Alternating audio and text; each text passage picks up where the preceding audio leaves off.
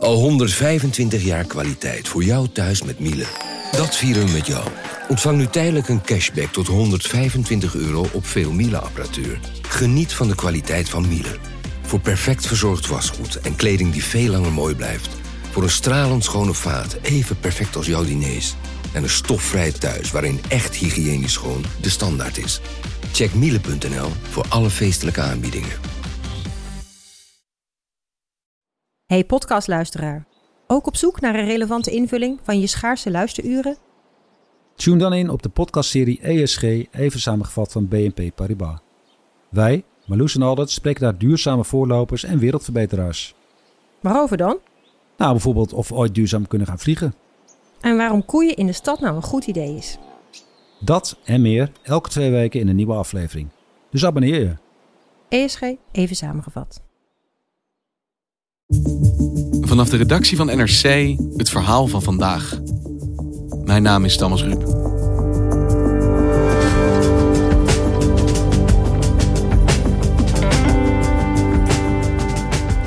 Dieprode cijfers, keiharde koersvallen, de laagste olieprijs in 30 jaar en economen die spreken van een financieel Armageddon.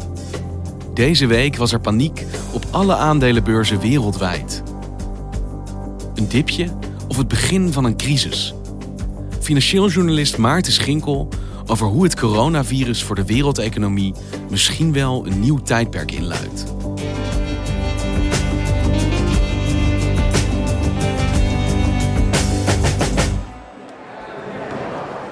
Afgelopen maandag uh, begon de handel eigenlijk in de wetenschap dat de olieprijs enorm aan het dalen was. A manic Monday for world markets. We have oil in crisis, yields are plummeting, stocks are plummeting. En aangezien de beurzen toch al wat zenuwachtig waren over het coronavirus en de gevolgen daarvan, uh, vertaalde zich dat eigenlijk meteen in een enorme koersdaling op de beurs. Dow collapsing around 1900 points today. Its worst single day loss ever as an oil price war adds to fears over the coronavirus. The Treasury bond today, the yield hit an all-time low. Nou dachten we dat maandag erg was. Uh, toen de beurs met ruim 7% daalde, dat maak je niet vaak mee. Maar donderdag was nog veel erger. Toen ging de beurs met 10% omlaag, ook gewoon overal in Europa. En uh, dat maak je echt bijna nooit mee. Dus gisteren was een nog historische rampdag eigenlijk. Ja, ja, ja, als je dacht, dit kan niet erger, dit was erger. Het coronavirus veroorzaakt een heuse beurskrach.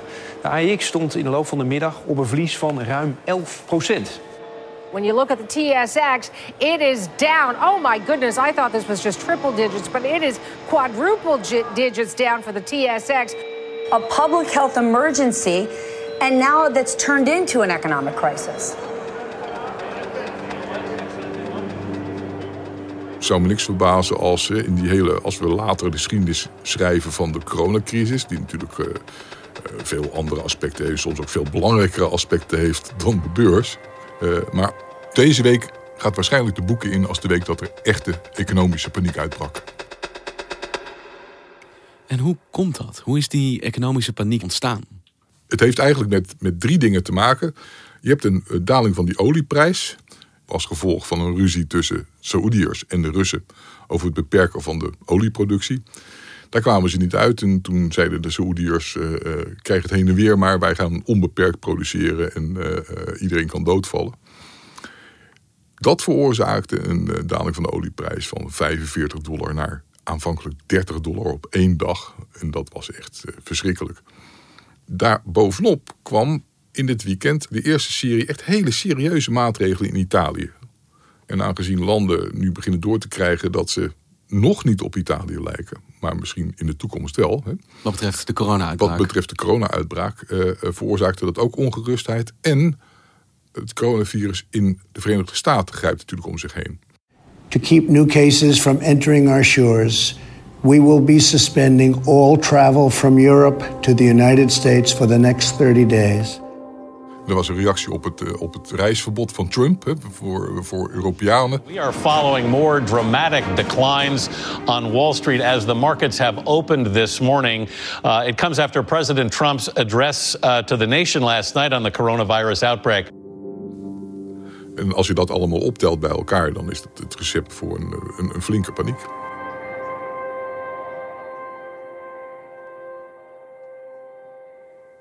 En is deze historisch zwarte week op de beurzen een dip, iets tijdelijks? Of is dit een onheilstijding, dat er nou ja, toch echt een nieuwe crisis aan zit te komen? Um, ja, nou, dan komen we bij de recessieletters. Je hebt letters. Uh, uh, je hebt de V-vormige recessie. Een V-vormige recessie is, die gaat heel stijl, dan gaat de activiteit heel stijl naar beneden. Maar daarna herstelt je ook heel snel weer. Een knikje. Een knik, een diepe dip. Je kan denken aan een, een natuurramp, een aardbeving bijvoorbeeld. Er is materieel niks veranderd. Ja, het is natuurlijk heel veel ergs gebeurd. Maar de economie haalt daarna haalt hij de schade vrij snel weer in.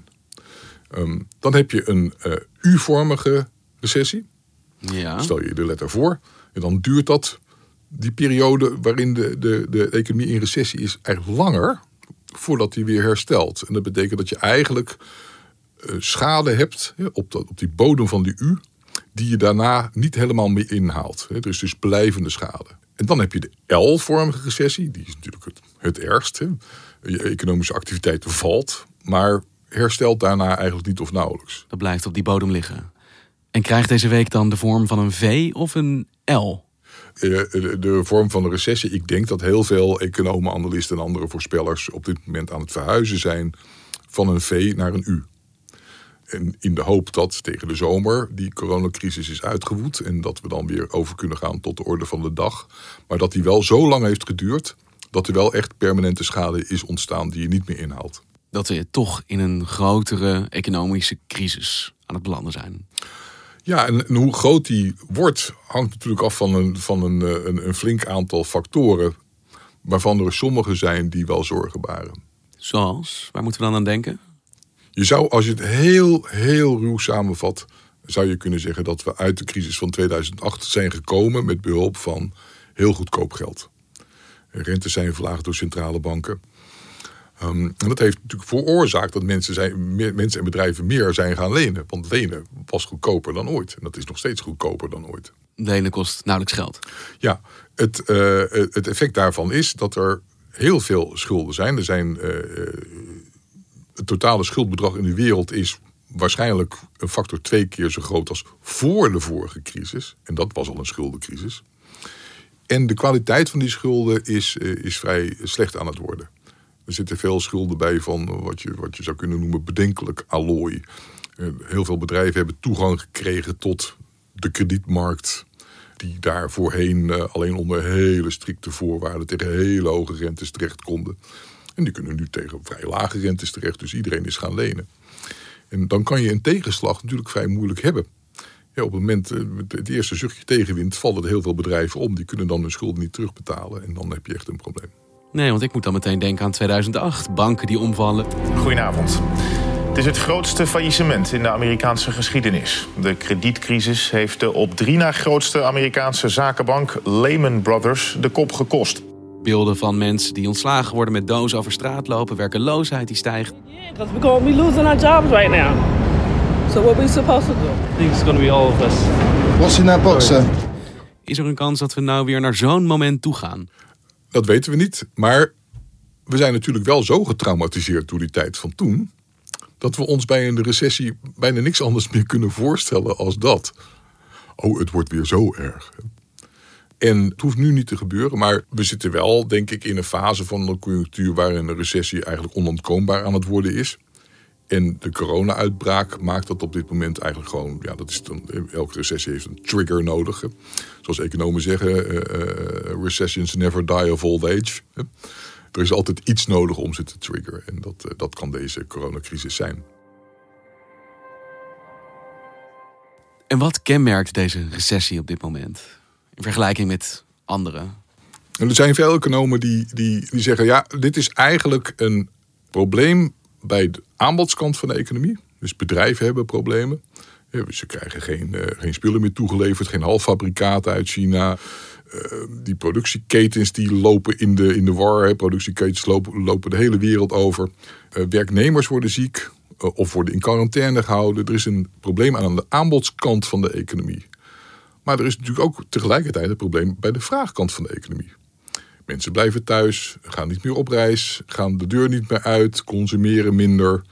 En het gelijktijdig optreden van zeg maar, een probleem aan de vraagkant van de economie en aan de aanbodkant van de economie. Daar zegt uh, bijvoorbeeld Paul Krugman, een bekende econoom, zegt ja, de laatste keer dat ik dat zag was in 1973. Dus op dat, op dat moment raakt de economische wetenschap, destijds in ieder geval, nogal in de war. Want wat gebeurde er in 1973? In 1973 ging het over olie. The oil producing countries of the Arab world decided to use their oil as a political weapon. Olieproducerende landen uh, beseften uh, dat zij een heel machtig wapen in handen hadden. En uh, zij verhoogden de olieprijs voor sommige landen, of blokkeerden zelfs olietoevoer naar sommige landen, waaronder bijvoorbeeld naar Nederland. Gisteren heeft de regering besloten dat vanaf 7 januari benzine alleen nog op de pomp te krijgen zal zijn. Dat betekent dat voor het eerst sinds de oorlog een jonge generatie zal kennismaken met distributie aan schaarste. Waardoor een enorme crisis uitbrak. Want olie was eigenlijk gewoon de belangrijkste grondstof van de wereld. En die werd een factor twee of drie duurder. In één klap. Voor de benodigde bonnen stonden we in de rij voor de postkantoorloketten. Op die bonnen is voorlopig voor de eerste vier weken van maandag 7 januari af 4 maal 15 liter te krijgen voor het particuliere verkeer en het meeste woon-werkverkeer. Zo bezien keert de wereld van voor de oliecrisis niet terug. En wat je destijds kreeg is dat het bedrijfsleven in de problemen kwam omdat de kosten van productie enorm omhoog gingen. Dat betekent ook dat de spullen die het bedrijfsleven maakte ook duurder werden. En dat uh, de koopkracht van mensen, omdat die een groot gedeelte van hun portemonnee nou eenmaal besteden aan, aan brandstof, uh, de koopkracht van mensen ook naar beneden ging. Dus je kreeg eigenlijk een crisis aan de aanbodskant van de economie, de bedrijven, en de vraagkant van de economie, consumenten, tegelijkertijd. Een soort dubbele ramp. Ja, en dat komt niet veel voor. En het beleid van destijds was er totaal niet op toegerust. Dus de westerse economie hebben er ook de rest van de jaren zeventig over gedaan om, om daar vat op te krijgen. Wat moeten we nou in wezen gaan doen? En dat heeft later geleid, later in dat decennium en zeker in de jaren tachtig, tot een hele andere kijk op de economie. En een uh, veel grotere aandacht voor de aanbodkant, voor het bedrijfsleven. Als het bedrijfsleven maar goed kon produceren. Als het bedrijfsleven maar vrije baan kreeg, dan zou alles goed komen. Onbeteugelde macht en vrijheid voor het bedrijfsleven. Ja, dus uh, mondialiseren, privatiseren, dereguleren. Zorgen dat de ondernemer geen strobreedte in de weg werd gelegd. Maar eigenlijk dus het economische systeem zoals we dat de afgelopen decennia hebben gezien... is geboren uit een reactie op die crisis. Ja, ja een, een, een reactie op het uit de hand lopen van het systeem wat we daarvoor hadden. En zo gaat het natuurlijk altijd. Nu kunnen we beslissen dat ons systeem uit de hand is gelopen. Je kan denk ik wel concluderen dat we nu mogelijk op een soort grens leven. Op een soort waterscheiding tussen een systeem zoals dat was. Grootschalige globalisering. En een systeem waarin landen toch besluiten dat wat meer zelfvoorzienendheid niet zo gek is. Er is veel geschreven en terecht over bijvoorbeeld de medicijntoevoer naar Europa. Uh, en naar de Verenigde Staten trouwens. En je komt erachter, god, alle ibuprofen wordt eigenlijk gemaakt in China. En alle paracetamol in India. Alle pro progesteron wordt gemaakt in China. Wacht eens even. Geen anticonceptiepil zonder China. Mm. En we leven natuurlijk in een wereld waarin uh, onze jeugd uh, via AliExpress een oorringetje kan laten komen vanaf de andere kant van de wereld. Het, het feit dat goederen de hele wereld over worden gesleept. Dat mensen de hele wereld over worden gesleept. En dat we het ook normaal vinden dat we met een vliegtuig naar de andere kant van de wereld gaan voor een vakantie van een week. Dat, dat hele idee wordt op dit moment bevraagd. Nou ja, nu kan een Chinese vleermuis uh, in een paar weken de hele wereld eigenlijk uh, op zijn gat leggen. Ook dus dat, dat is globalisering. De pest deed er in de 14e eeuw natuurlijk jaren over om ons te bereiken. En het coronavirus heeft ons met de neus op die feiten gedrukt. Hoe kwetsbaar globalisering ons gemaakt heeft in de afgelopen decennia. Exact. En dan kan je zien aankomen dat er anders gedacht gaat worden over globalisering in de naaste toekomst. En wat zou dat concreet betekenen, uh, zo'n nieuw systeem voor, nou ja, voor mij, voor jou, voor ons? Jij, Thomas Ruip, kan in je korte broek het Hilton Hotel in Cairo inlopen. Ja. En waarom is dat? Je bent een westerling, je ziet eruit als een westerling, je hebt kennelijk geld. Dus niemand houdt jou tegen bij die deur van het Hilton. En zelfs in korte broek, toch een beetje tegen de lokale regels van etiketten in, houdt niemand jou tegen. Het kan. Weet je hoe raar dat eigenlijk is? Weet je hoeveel mensen op de wereld in landen wonen waar je naar vrijwel geen enkel land toe kan zonder visum? Zonder brief van iemand ter plekke die je uitdrukkelijk uitnodigt om, eh, om te blijven en garant staat voor je ticket terug? Dat is een wereld waar wij uh, uh, ontzettend aan moeten gaan wennen. En ik weet niet of het gebeurt, maar het is wel een goede gedachteoefening. Dit is een voorproefje van een wereld eh, waarvan ik zelf niet hoop dat hij dat er ooit komt. Waarin je kan zien dat vrij reizen, je vrij bewegen over de hele globe, zoals wij zo gewend zijn, niet vanzelfsprekend is. Dus dat we teruggaan naar een wereld met meer beperkingen, waarin vrije handel, globalisering niet meer zo vanzelfsprekend zijn. Ja, maar vergis je niet in de voordelen die globalisering heeft gebracht.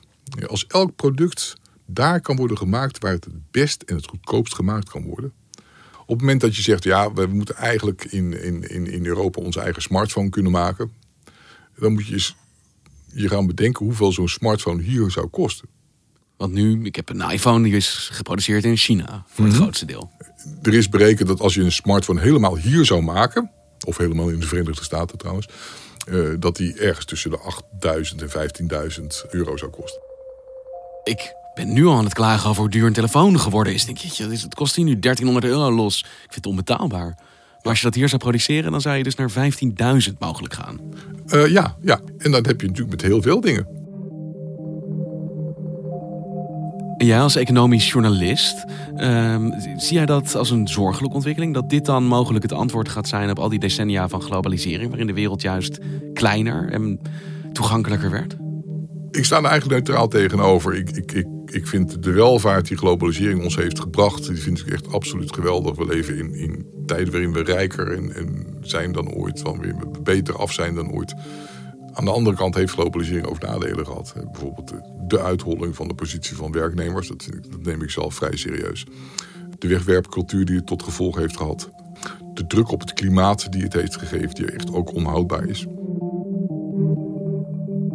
Maar zou dus wel kunnen dat dat coronavirus eigenlijk het begin gaat zijn van een hele grootschalige verandering op de manier waarop wij kijken naar ook economie en de manier waarop wij handelen, reizen, onze levens inrichten? Je zal, je zal zien dat als je over tien jaar terugkijkt, je kijkt hoe de wereld er dan aan toe is ten opzichte van hoe die er nu aan toe is, dat je zal concluderen: dit was het moment waarop de globalisering in zijn achteruit ging.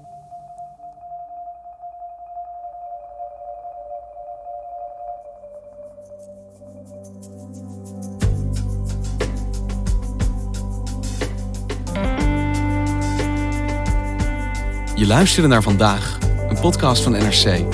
Eén verhaal, elke dag. Vandaag wordt gemaakt door Mirjam van Zuidam, Henk Ruigrok van der Werven, Tessa Kolen, Ido Havinga, Julie Blusset, Jan-Paul de Bond, Ruben Pest, Felicia Alberding, Jeppe van Kesteren en Jennifer Patterson. De muziek die je hoort is van Rufus van Baardwijk. Dit was vandaag, maandag weer.